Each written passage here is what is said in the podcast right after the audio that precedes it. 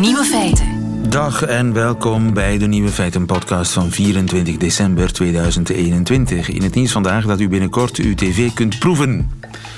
Dankzij een Japanse professor die een likbare televisie heeft uitgevonden. Hij noemt het de TTTV of de Taste the Television. In die televisie zitten 10 capsules met smaakstoffen.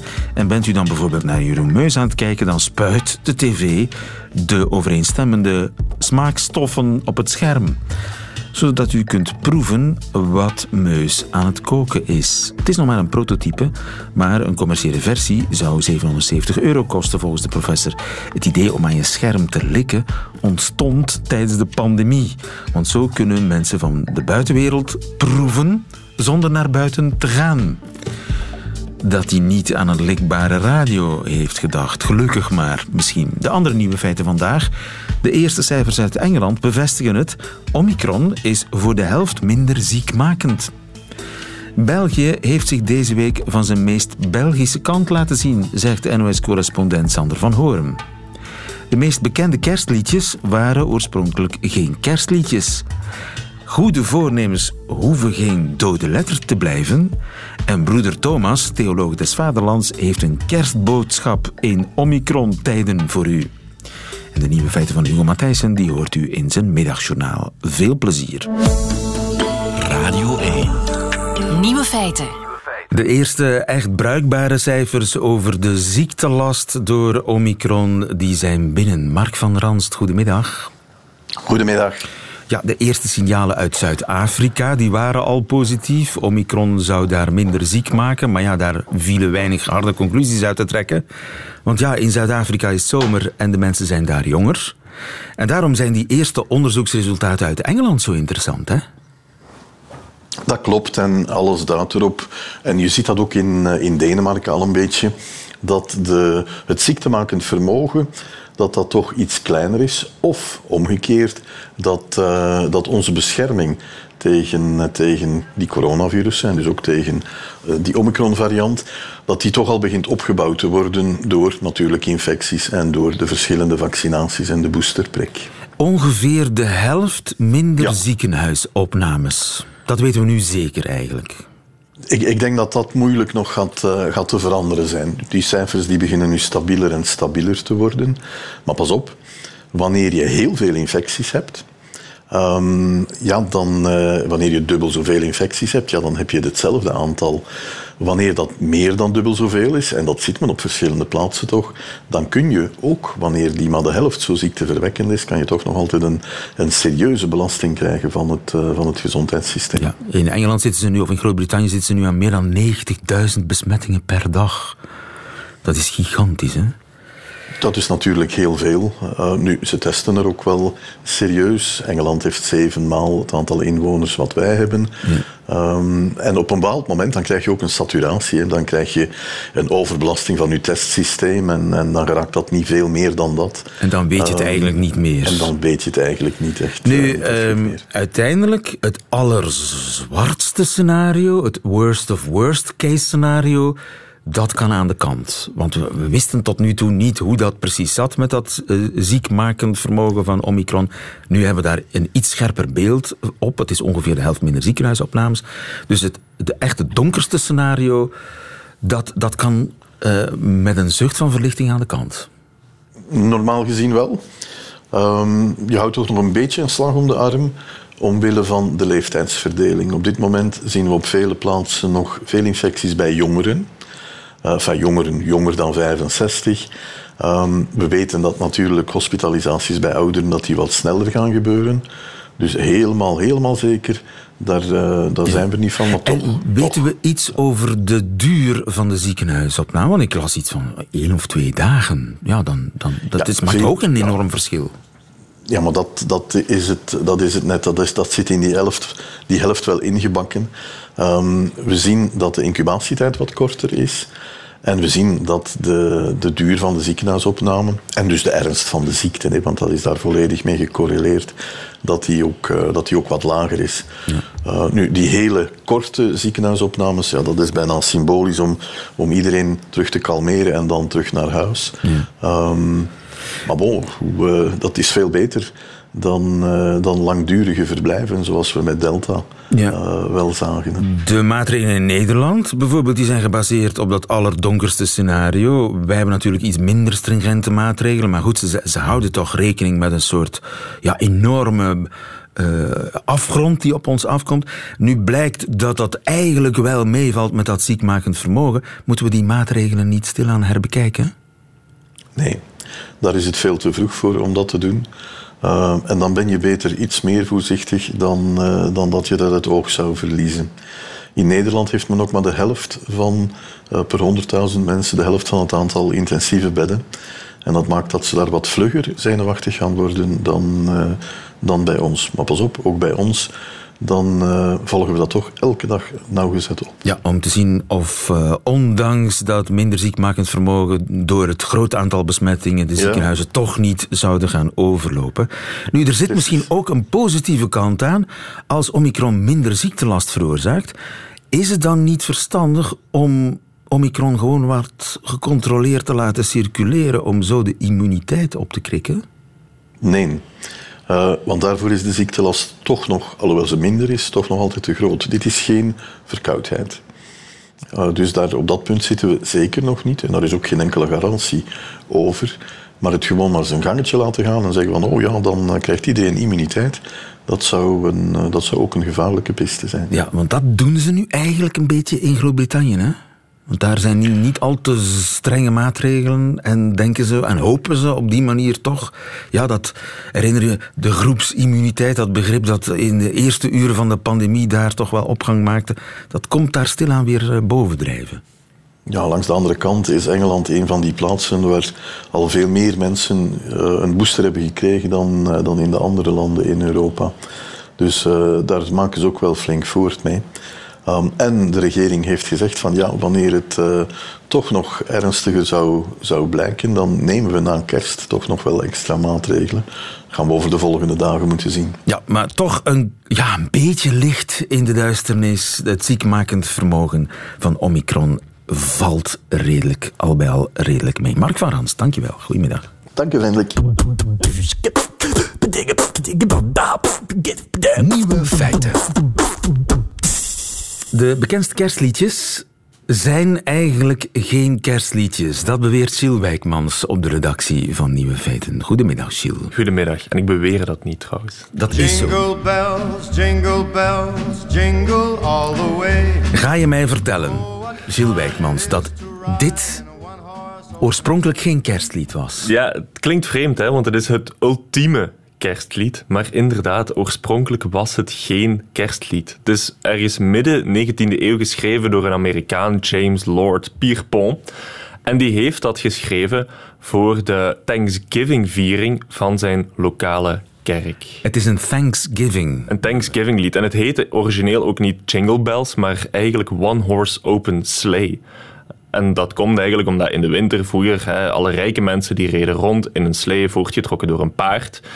En ja, dan uiteindelijk met de associatie de, het wintertafereel, de sleeën die rondreden. Ja, thanks, uh, Thanksgiving is rond, uh, ja, het is nog maar pas geweest. Hè? Ja, ergens begin november, november zo. Hè? Dus al winter in de noorden, noordelijke delen van uh, Amerika. En dan uiteindelijk is die associatie met dat winterse landschap dat bezongen wordt. en de belletjes is dan uiteindelijk een kerstlied geboren. Oorspronkelijk een Thanksgiving lied was Jingle Bells, maar het is uiteindelijk het ultieme kerstlied. Oké, okay, dan, ik doe nog beter. Oh, the weather outside outside is frightful, but the fire is so delightful.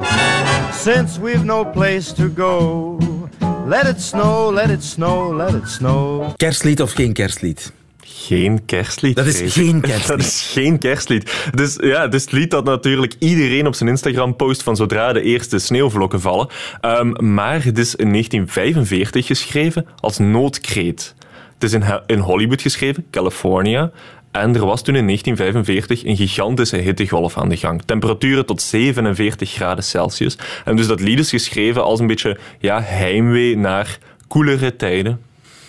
Let It Snow kun je dan eigenlijk op twee manieren interpreteren. Laat het alstublieft sneeuwen. Ja, laat het godverdomme sneeuwen, alsjeblieft. Of laat maar sneeuwen, of laat het gevede sneeuwen.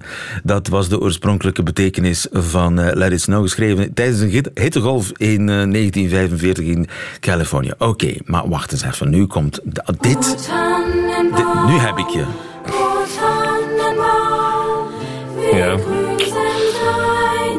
Vrees ehm, dat ik je weer moet gaan eh, teleurstellen. Geen kerstlied. Nee, ik zal je zelfs meer, vertel- meer vertellen. Dit is eigenlijk een heel tragisch liefdeslied.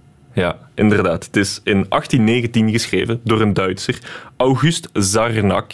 En die zag in de dennenboom, de immergroene dennenboom, een symbool voor de eeuwig loyale liefde van hem aan zijn partner. Dat eeuwig groene eeuwig groen. stond eeuwig, ja. voor de eeuwige liefde.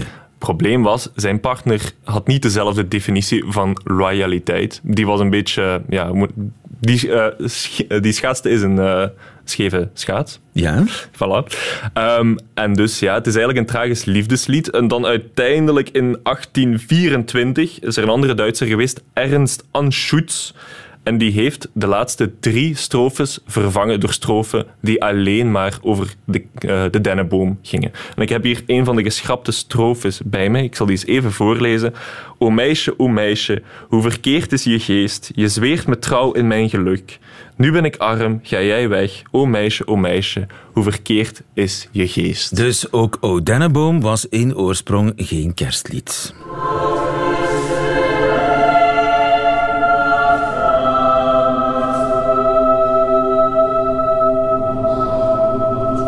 Dat zal wel geen kerstlied zijn, denk ik. Hè? Ja, toch wel. Dit is dus wel een kerstlied. Sterker nog, volgens sommigen is dit het allereerste doelbewuste kerstlied ooit geschreven. Echt het eerste lied dat speciaal geschreven is voor kerst. Het heet Jezus, Jezus Refulsit Omnium, wat Latijn is voor Jezus verlicht alles. En het is in 368 na Christus geschreven door Sint Hilarius, trouwens ook de patroonheilige van de gemeente Bierbeek. en in het lied wordt gezongen hoe dat er bij de geboorte van Jezus een heldere ster aan de hemel verscheen, die dan de drie wijzen naar de stal lokte. Ja, dat is dus eigenlijk het eerste officiële kerstlied Voilà. Eh, in het Latijn. En dat heeft eigenlijk de, de tand destijds niet doorstaan. Want het wordt bij mijn weten toch zeker niet door kinderen op straat bijvoorbeeld. Of de radio Nee, nee, gezongen. nee, nee. Het gaat niet bij de warmste week door M&M in Studio Brussel gedraaid worden. Dat niet, nee.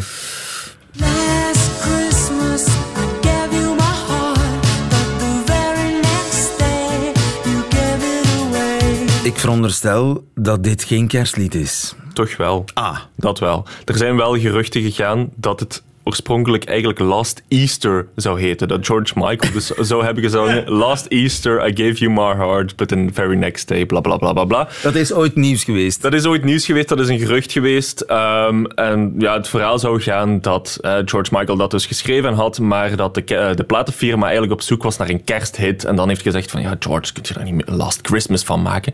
Maar dat blijkt niet te kloppen, want in een interview heeft Andrew Ridgely, de andere helft van Wham, gezegd van, ja, George Michael heeft het geschreven toen hij op bezoek was bij zijn ouderlijk, eh, bij zijn ouderlijk huis. heeft dat in een uur geschreven. En het- hij vond het heel wonderbaarlijk dat George Michael in een uur tijd de essentie van kerst kon vatten in ook weer een tragisch liefdeslied. Fake news dus. Last Christmas is dus wel degelijk eh, altijd een kerstlied geweest. Gilles Wijkmans, dankjewel. Nieuwe feiten.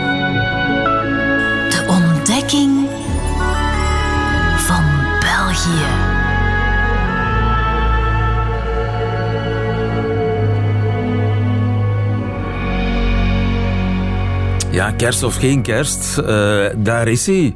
Sander van Horen, de NOS-man in Brussel, die ons land met stijgende verbazing al een paar jaar aan het ontdekken is, daarover verslag komt uitbrengen op vrijdagmiddag. Goedemiddag, Sander. Hey lieven. Sander, wat is jou deze week aan ons land opgevallen? Wat heb je bijgeleerd? Zullen we het anders benaderen? Wat is mij tot deze week aan België opgevallen? Wat is je tot deze week aan België Nou, opgevallen? dat ik eigenlijk wel een steeds eh, blijere inburgeraar ben. Ik bedoel, door je het was jaar alsmaar heen. trotser om semi-Belg te zijn. Ja. En ook hoe Nederland en België steeds meer op elkaar begonnen te lijken. En ik had gedacht van, nou, dan kun je deze kerst kun je natuurlijk wel een beetje proberen te verkennen. Is Nederland nou Belgischer geworden of België Nederlandser? En ik denk dat allebei waar is. Want kijk bijvoorbeeld naar onze regeringsvorming. Hè. Het heeft lang geduurd.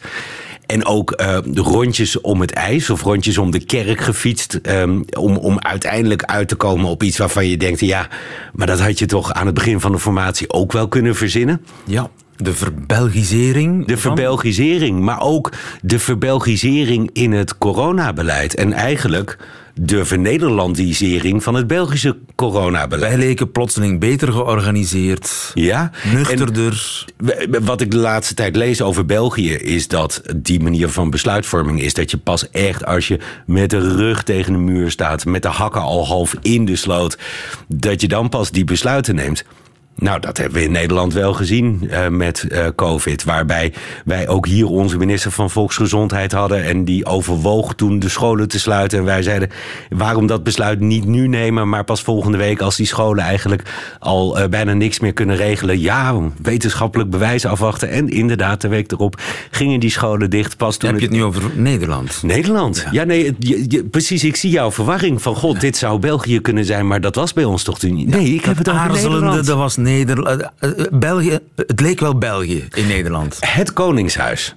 Ik heb hier volgens mij op deze stoel gezeten en gesproken, nou, volgens mij elk jaar wel de afgelopen jaren over het houterige Belgische Koningshuis. En nou ja, dat, dat Het toch wat- knoeien. en toch wat meer het vlotte Nederlandse Koningshuis. Ja, het feestje van Amalia. Het feestje van Amalia en dan daartegenover die prinses in Dancing with the Stars, Delphine. Ja, ja. Ik bedoel, over inderdaad. charme, offensieve Hoe en... Hollands wil je het hebben? Ja, maar dat is dan dus in België. Terwijl eh, koning Willem- Willem-Alexander moet nu zeggen... we moeten het allemaal samen doen. Ja. Omicron. En nog sorry voor dat feestje. En keer op keer lijkt hij dus nu zo boven of buiten die samenleving te staan met zijn gezin. Dat je denkt, ja, dat zou je in België. De- maar dat jullie- is dus deze week veranderd. Dat is deze week veranderd. Wat ik bedoel, eh, die hele warme kerstgedachte. En toen was het deze week toch weer België. Ik werd gisteren gebeld met de vraag: Goh, er is een akkoord over de kernuitstap. Kun je dat eens uitleggen op de Nederlandse radio? Ja, ja, ja. En dan jij. Oh, wauw. Ja, tuurlijk. Nou, volgens mij heb ik letterlijk gezegd: Ik snap er helemaal niets van. En dat doet niemand hier. dat heb je zo gezegd. Dat heb ik min of meer letterlijk zo gezegd, want dat is de, de hele kern.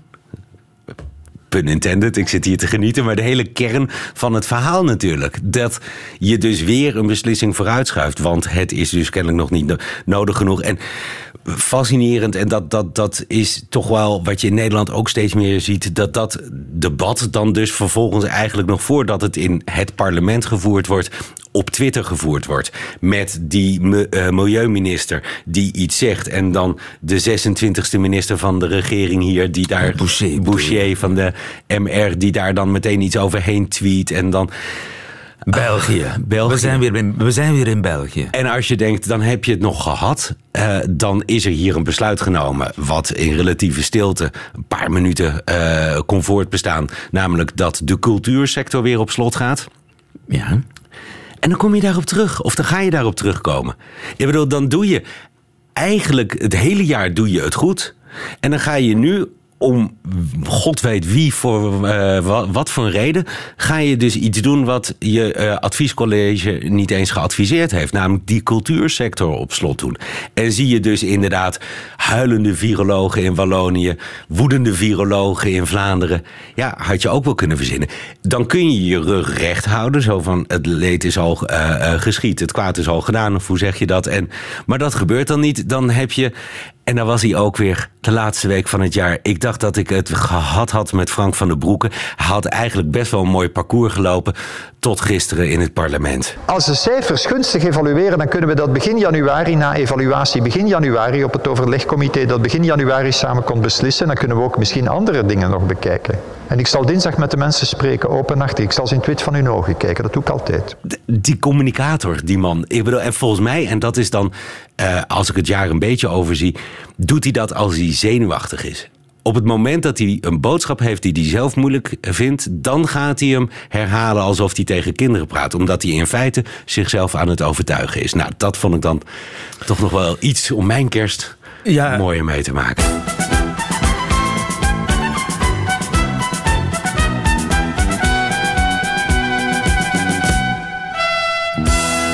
Examen Vlaams. Een beetje in de kerstsfeer zeg ik er als tip bij. Een beetje. Wat is een bus? Een bus. Een bus.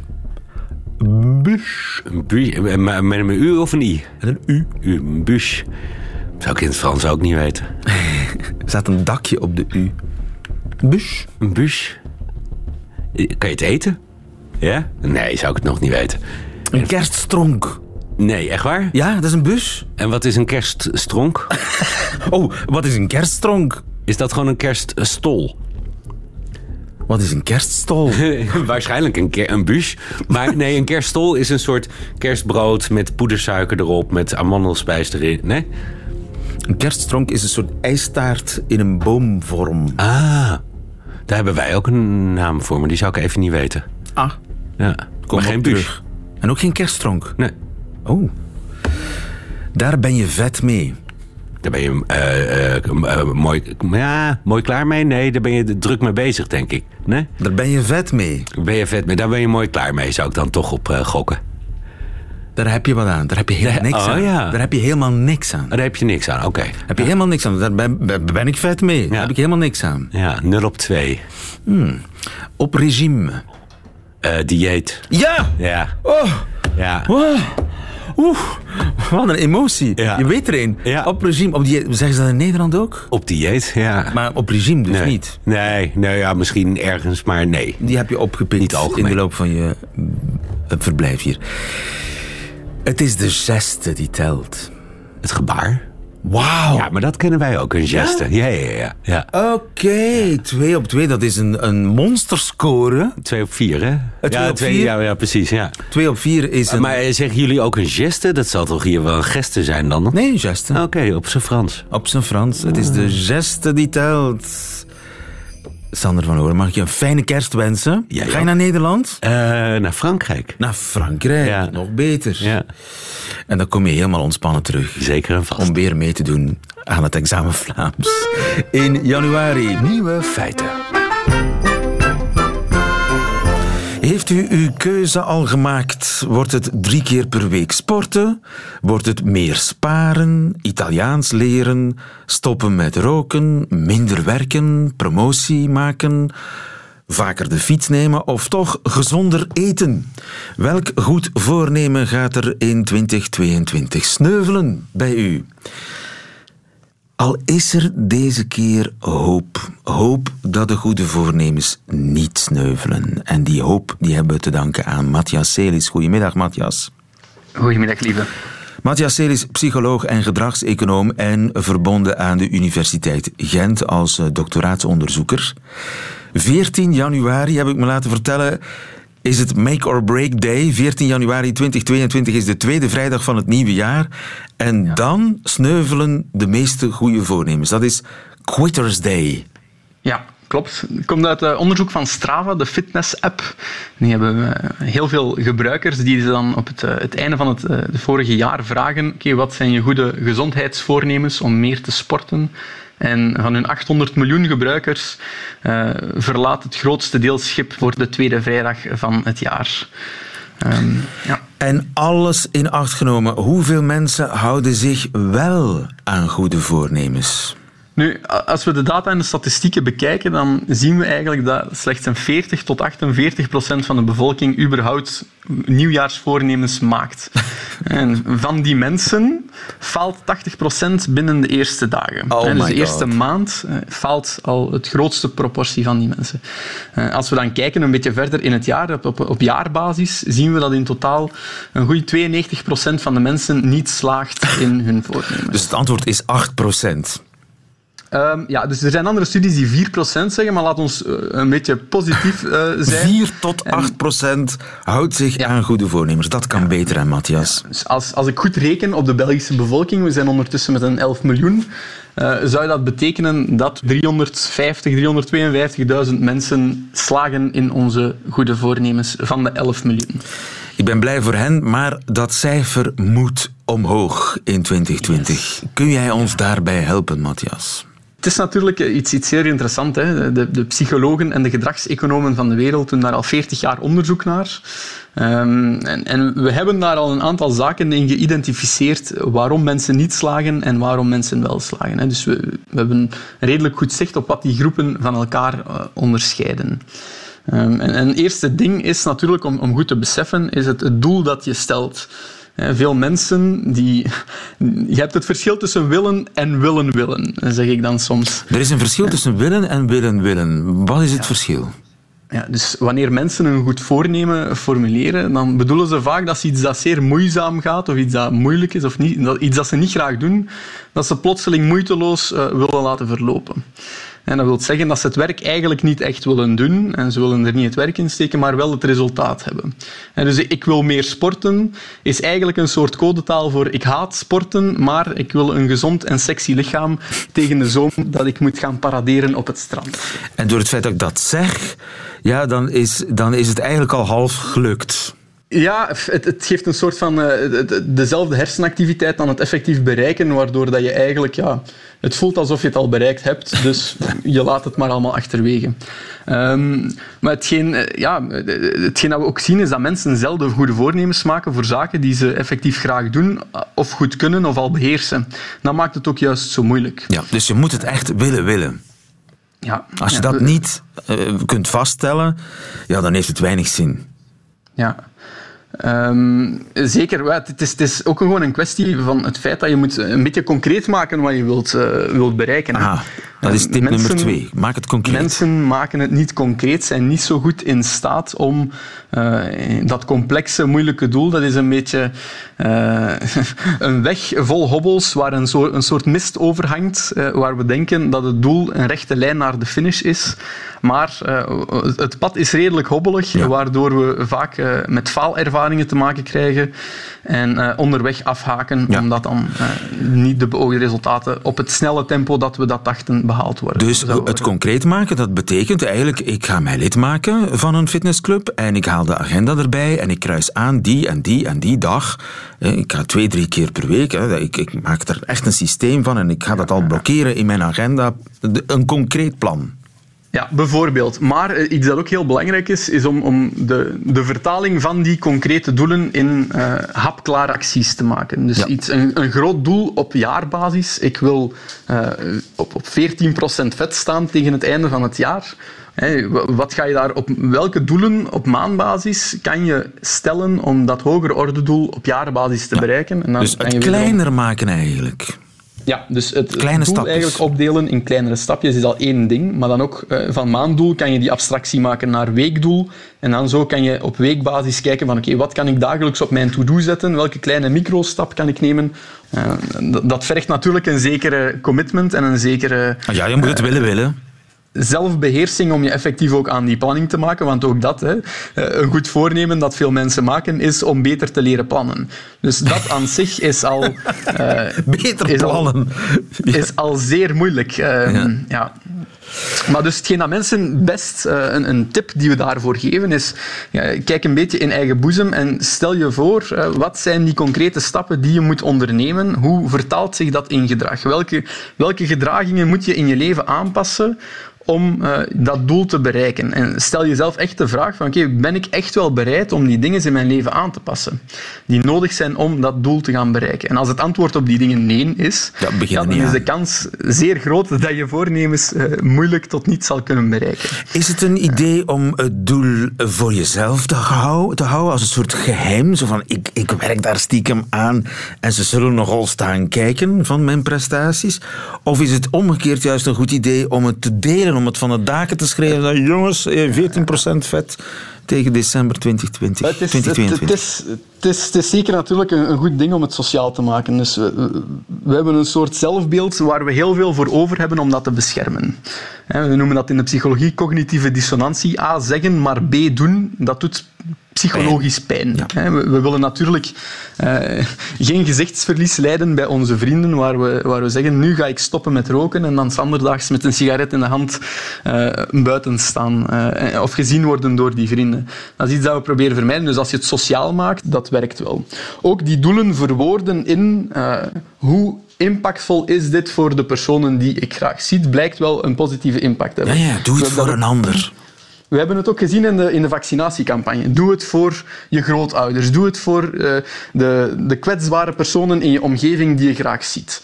En we merken dat daar, als, als, we, als we zo onze doelen formuleren, dat als de momenten dat we met een faalervaring te kampen krijgen, dat we veel eh, minder excuses gaan bedenken. Ja. Hè, van, pff, Ik heb mijn fitness, grootmoeder in de eh, steek gelaten. ja, Dat is iets voilà. moeilijker om... Ik heb mezelf...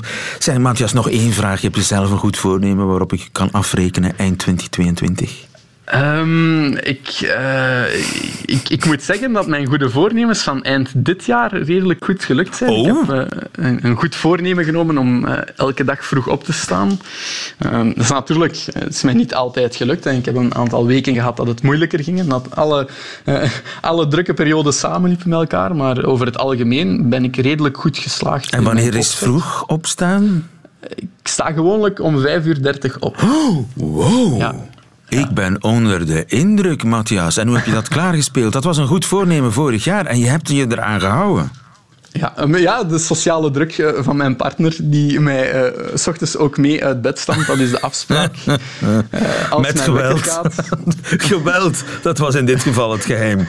Matthias Seris, mag ik je een fijne kerst wensen. En, Ja. en nogmaals gefeliciteerd met je vroege opstaan. Dankjewel, goedemiddag.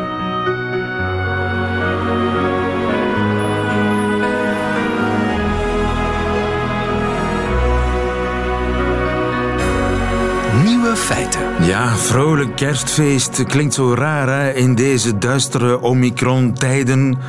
Hoe moeten we elkaar nog een echt vrolijk kerstfeest wensen?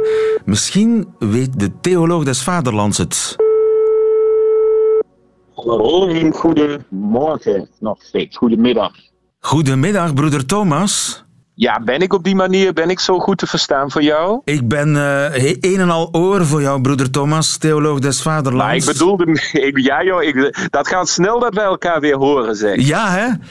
Broeder, dokter, professor eh, Thomas Kwartier van de abdij van Keizersberg. Het is een beetje een lastige kersttijd. Hè? We zitten volop in een mi- Omicron-golf.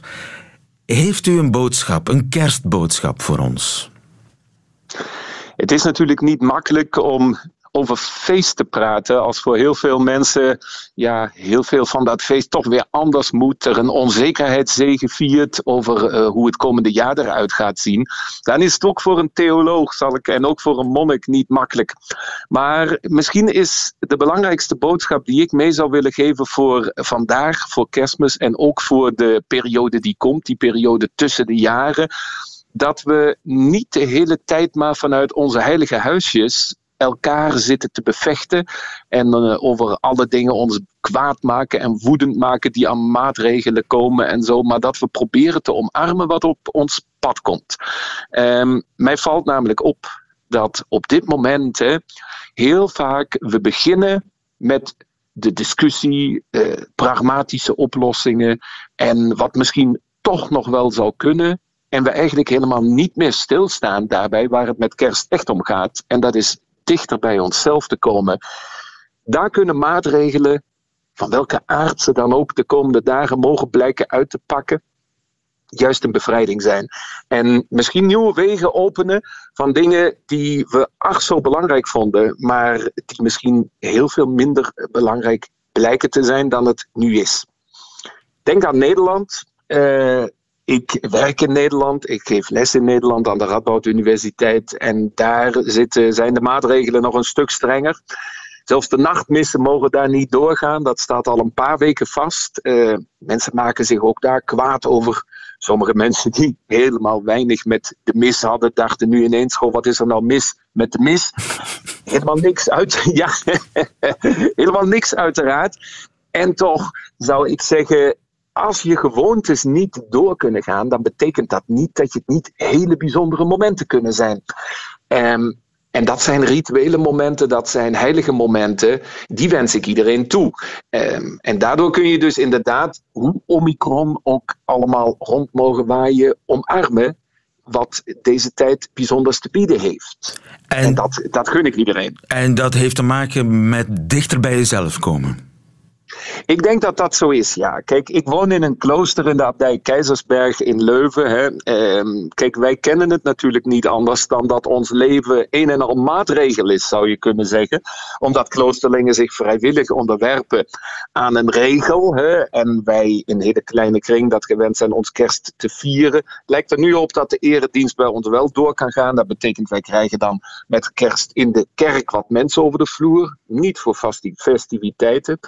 Ehm, ik ben op mijn 40ste monnik geworden. Ik ben nu 49, dus 10 jaar. Ik ik ken beide kanten van het verhaal.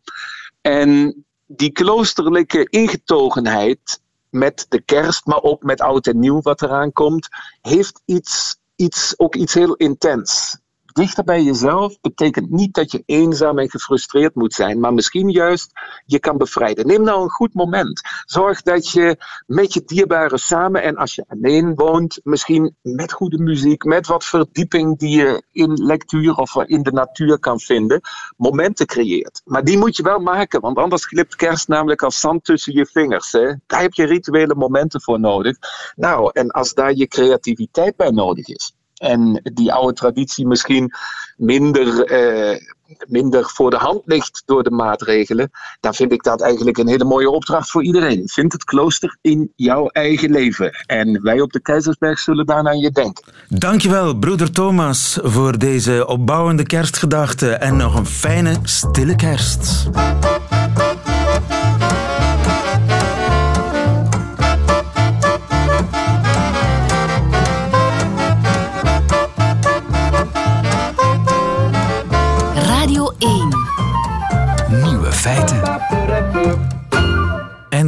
Waren ze, de nieuwe feiten van deze 24 december 2021. Alleen nog die van Hugo Matthijssen nu in zijn middagjournaal. Nieuwe feiten. Middagjournaal. Goedemiddag. Krankzinnig, wraakroepend, onbegrijpelijk, rampzalig, totale incompetentie. Allemaal met uitroeptekens. Nee, dit gaat niet over de woede van de getroffenen bij de overstromingen in de provincie Luik. Het zijn de reacties op de nieuwe COVID-maatregelen van mijn collega's uit de cultuursector. Ik behoor dus ook tot die sector, al moet ik bekennen dat ik al meer dan een jaar lieg als men naar mijn beroep vraagt. Ik zeg dan dat ik producent ben van foie gras of voetbalmakelaar. Want als ze in de gaten krijgen dat je iets met cultuur te maken hebt, dan krijg je die blik van: oh, cultuur, ja, ja, is dat niet iets met zelfbeklag en zo? Qua zelfbeklag, ook ik moet voor de zoveelste keer een reeks optredens schrappen. En ach, de try-outs waren zo veelbelovend. Mensen vielen elkaar, ondanks COVID, na onze wereldhit in wording, de snor van Guy Mortier, huilend in de armen. Niet van ellende, maar uit esthetische vervoering, zoals wij dat in de backstage wel eens noemen. Maar goed, de culturele sector, hoorde ik gisteren, is altijd het zwarte schaap. Anderen denken wel eens aan een zwart kuiken met een halve eierschaal als hoed. Ja, maar de horeca mag nog van alles en ik niet. Ja, maar ze mogen wel in een vliegtuig en niet in een theaterzaal. En leg mij het verschil eens uit tussen een kerstmarkt en een musical. Wat dat betreft, ze hebben inderdaad veel gemeen, de kleffe muziek en de kitscherige aankleding. Ik zeg niet dat ze ongelijk hebben, die culturo's, laat Jan Bon maar flink afdokken, maar het is dat toontje. Ja, maar wij hebben een perfect ventilatiesysteem, hoor.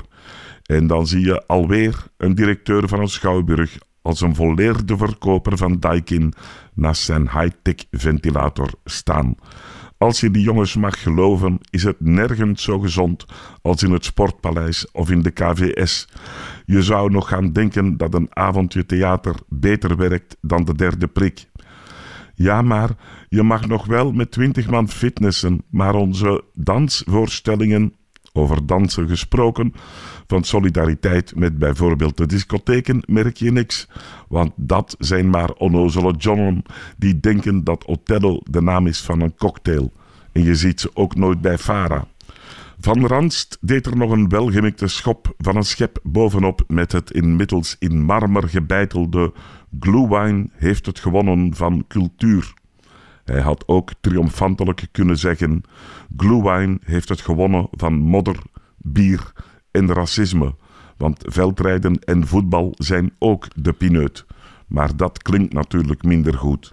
Ach, wij scheppende onafhankelijke geesten, wij vrijdenkers en dappere avonturiers van de menselijke ziel, wij nonconformisten, wij verder dan onze neuslengte kijkende koningen van de verbeelding, wij van de culturele sector. Wij zijn toch voor initiatieven waar gewone mensen van alle kleuren en rangen elkaar laagdrempelig en gemeenschapsvormend kunnen ontmoeten in hun eigen wijk. Wij zijn toch allemaal voor kerstmarkten? Ja, toch? Wat goed dus dat die nog mogen doorgaan. O denneboom, o denneboom, wij komen eraan. Dank u wel.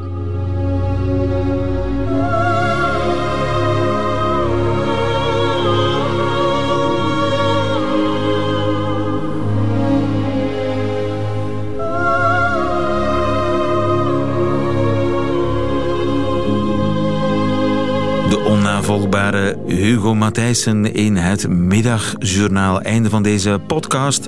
Hoort u liever de volledige uitzending? Dat kan natuurlijk on demand via onze app of via de Radio 1 website. Tot een volgende keer.